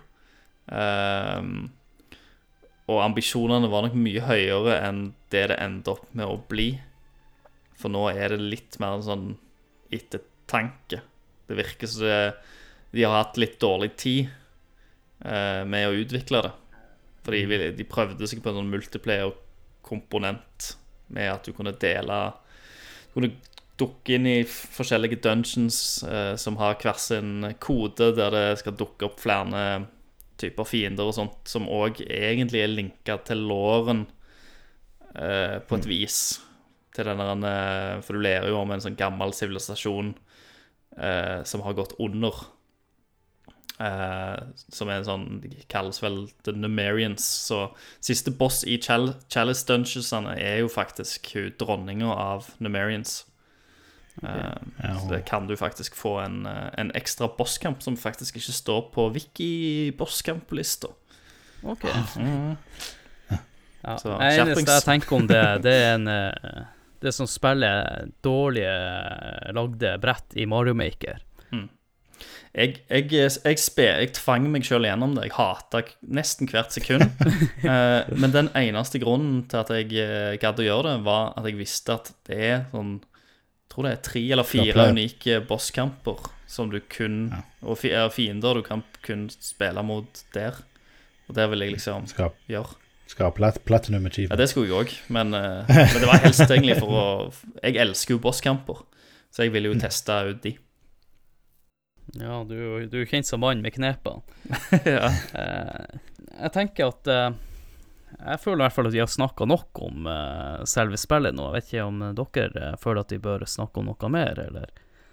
Vi har, har jo vært litt sånn uh, annet, det er bare på sånn nerdeplan. Men det vet jeg ikke hvor interessant det er for an, andre enn Jeg tror det blir litt for lang episode også, så uh, jeg lurer bare på om vi skal gå over til den siste spalten der vi rater spillet.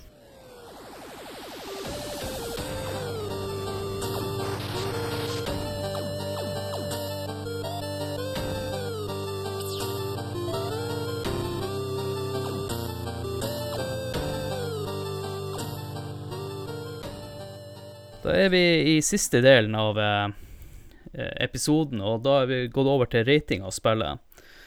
Eh, kriteriene er henta ut fra Nintendo-magasinet, og der har vi eh, fem kriterier Mm. der vi skal bedømme, eh, og skalaen er fra én til ti.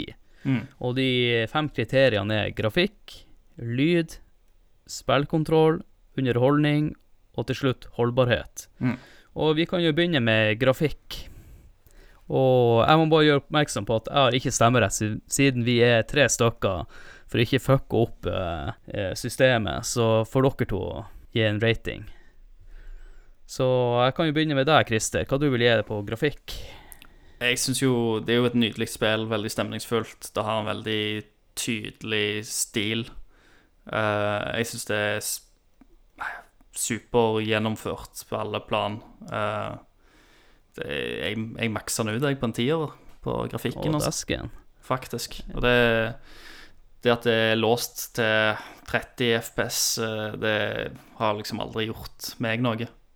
Nei, men det, det er bra du nevner det, for jeg skulle egentlig nevne det i stad.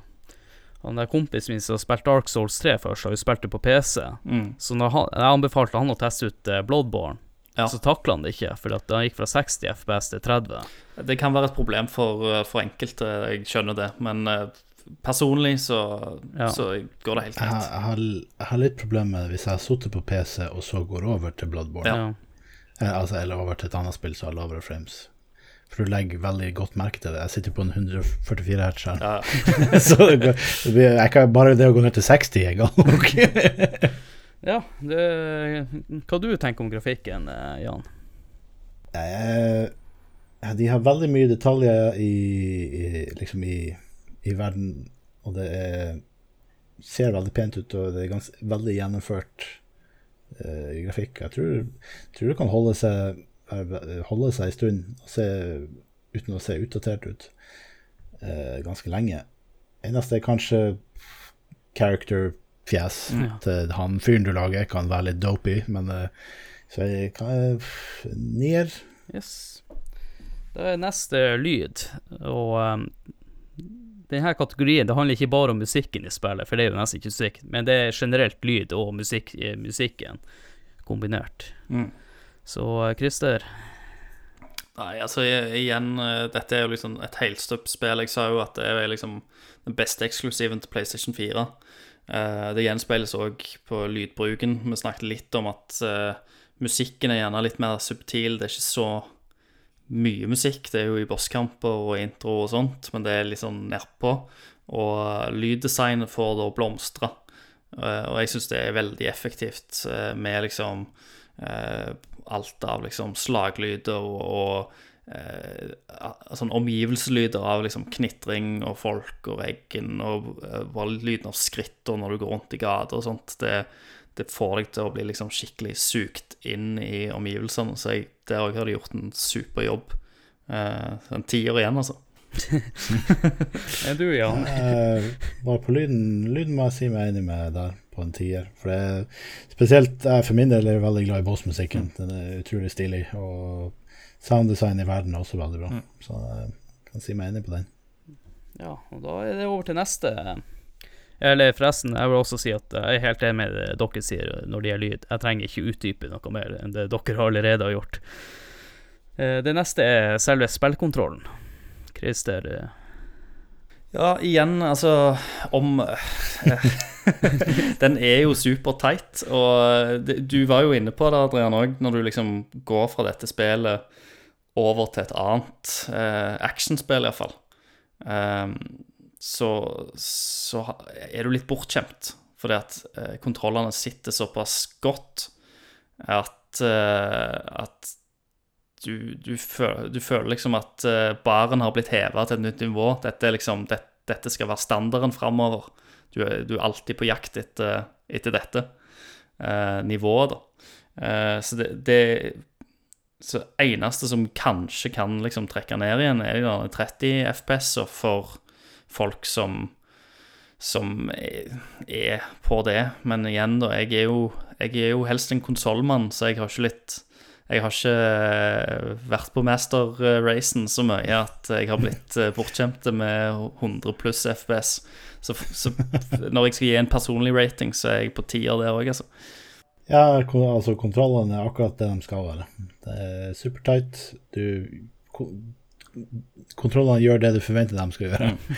Det, det er ikke sånn som eh, Red Dead Redemption eller Ja. eh, eh, altså der du prøver å gå på en hest, og så tryner du den en bakke. er det, liksom, det, det som skal skje, skjer når du trykker på kontrollen. Så Ja, det- og hvis det skjer noe feil, så er det din feil, for du har trykt feil. ja. Ja. du har bare deg sjøl å skylde på. Ja. Så ti- tier på den. Ja, jeg, har, jeg føler at jeg snakka nok om det i stad, så vi går over til neste punkt, da, som underholdning. Og med underholdning så tenker jeg også mm, replay-valuen eh, til spillet. Mm. Så eh, hva du tenker om det? Vi har jo snakka litt om New Game Plus. Synes du at uh, det her er et spill man kan gå tilbake til etter en, en stund? Altså, jeg spilte jo gjennom dette her. Jeg var jo, tror jeg var på New Game Plus 7 eller noe sånt. Eh, akkurat i den perioden jeg eh, spilte det. Jeg var jo såpass hekta på alt. Jeg, liksom sluk, jeg var inne på YouTube, slukte alt av videoer. Elska universet, elska alt med spillet. Ville bare finne mer. Jeg ville bare ha mer. Um, og så hadde jeg jo en pause og spilt litt andre spill, så vendte jeg tilbake til Bloodborne, og jeg, jeg syns jo det holdt seg oppe ganske bra da òg. og jeg liker, liker ennå universet, så jeg, jeg tror at det er et, det er et spill som eh, som kan være gøy å vende tilbake til i ny og ne. Jeg syns det holder seg oppe ganske bra. Um, så, men, men kanskje, kanskje en nier der, da. Jeg skal, jeg skal hakke av en, eh, en liten, eh, et lite poeng, bare så det ikke blir helt ti av ti hele veien her. Eh, Jan? Eh, ja, altså det, det er jo det nevnte med å se videoer og sånn, at det, det er liksom ikke kun spillet som gir deg underholdning, det er, det samfunnet som danner seg rundt òg. Det er noe du merker med alle de Soul-spillene, at det, det, det er veldig mange sånn law speculation og uh, spilltips og masse sånn sideting i tillegg som du kan gjøre med spillet, som gjør det veldig Ja, det er veldig kjekt. Og uh, jeg har jo replayet med Altså, bare det å For å teste ut alle våpnene er replay value nok, egentlig. Bare for å ha de riktige statsene til å bruke f.eks. et stort våpen, eller til å bruke de egen kniv. Og Nei, så eneste, eneste jeg kan si er trekk det ned, er de her uh, dungeonsene. Ja. for de er noe dritt. Ja. Uh, så jeg, jeg kan gi han en åtte. En åtte. ja. Eh, Jeg må jo ærlig innrømme at jeg har jo hatt Bloodburn Bloodborne Bloodburn Bloodborne lenge installert på min PlayStation, men i dag, når jeg tenkte jeg skulle spille rett før innspillinga av episoden, så hadde jeg tydeligvis sletta det fra min ja, fra harddisk. harddisken, ja. Eh, nei, jeg er jo enig i mye ut av det dere sier, men igjen så er det nå noen år siden sist jeg spilte, men jeg kjenner nå etter å snakke om det, at jeg kanskje har lyst til å ta en rask gjennomspilling. For at eh, når du har spilt det en, en god del ganger, så tar det ikke så lang tid å gå gjennom spillet. Det syns jeg er ganske bra. Mm. Du kan bare vie av en syv-åtte timer, Ja, ja. så Da klarer du å runde ikke DLC-en, men bare den vanlige. Ja. Eh, Jeg vil si at eh, det er kanskje ikke det vanskeligste spillet å gå tilbake til. Det er kanskje litt verre å gå tilbake til spill som Skyrim og The Witcher 3, for du vet at her går det over 100 timer pluss uansett. Jo da, sånn sett, lengden på spillet er ganske spill. perfekt. Og spes ja, spesielt når vi er bikka 30 og ikke kan sitte like lenge og spille. Snakk for deg sjøl. Ja, eller for da Kristi i hvert fall. Vi, vi har jo samboere. Så ja, jeg er enig i at uh, Det er derfor jeg også lager episoden her, og håper jo at uh, folk vil teste ut spillet for dem som ikke har testa det ut, og prøve å være litt tålmodige. Ja. Og hvis du sliter skikkelig, så har du jo før hver boss, så har du muligheten til å ringe i bjella, der du kan få en hjelp av en NPC eller en venn. Men du trenger innsikt. Ja. Mm, det gjør du. Ja, og siste punktet, holdbarhet. Eh, eh, hvordan spillet har holdt seg Det her er et vanskelig punkt, da, siden spillet er bare fire år gammelt. Mm. Så jeg føler ikke at det er blitt ordentlig utdatert. Så Pluss at jeg har vel egentlig ikke spilt det siden Siden jeg spilte det med deg, egentlig. Så Ja, nei, jeg, jeg hadde et, et, et gjensyn. Uh, men det er jo snakk om halvannet, to år siden, kanskje. mm. Uh, for, for min del så er det Jeg har vel egentlig gjort det meste i spillet. ja. Så jeg føler jeg har liksom ikke noe hensikt for meg å gå tilbake, men eh, ja, bare gjerne gi en karakter. Det siste punktet, så Hva du sier Christer? Nei, eh, jeg gir en eh, Gir en åtter der, jeg. Tenker jeg. Ja. Du, Jan? Jeg må nesten gjenbesøke den, men altså bare, bare pga. replay-valuen så er det jo litt holdbarhet bare der. Eh, hvis du Men ja, ja, ja, åtte. Jeg kan være med på åtte. Yes. Da har vi jo gått gjennom uh, holdt å si ratinga. Og så det som gjenstår for meg nå, det er jo uh, Må jo reklamere litt for den podkasten her. Uh, det første jeg vil oppfordre folk til Jeg blir gi den her ut på eh, eh, spillsida på Facebook, så gjerne lik uh, spill på Facebook, og gjerne kommentere eh, på episoden. Den episodelinken legg inn på sida der. Litt artig å høre om deres eh, minner fra spillet hvordan bosser dere plagdes med, og så videre. Så det er jo artig å lese de kommentarene. Eh, det andre jeg vil eh, oppfordre folk til, det er jo eh, gi oss en like på iTunes, eller følge oss på Soundcloud, og vet ikke hvordan det fungerer på Spotify, men i hvert fall på Spotify i tillegg. Gjerne kom med forslag hvis noen av dere har lyst til å høre om et spill. Og hvis det er noen av dere som er føler dere kan spillene veldig godt, så gjerne ta kontakt, så kan man hende at man klarer å få til en ep- ep- episode sammen, da.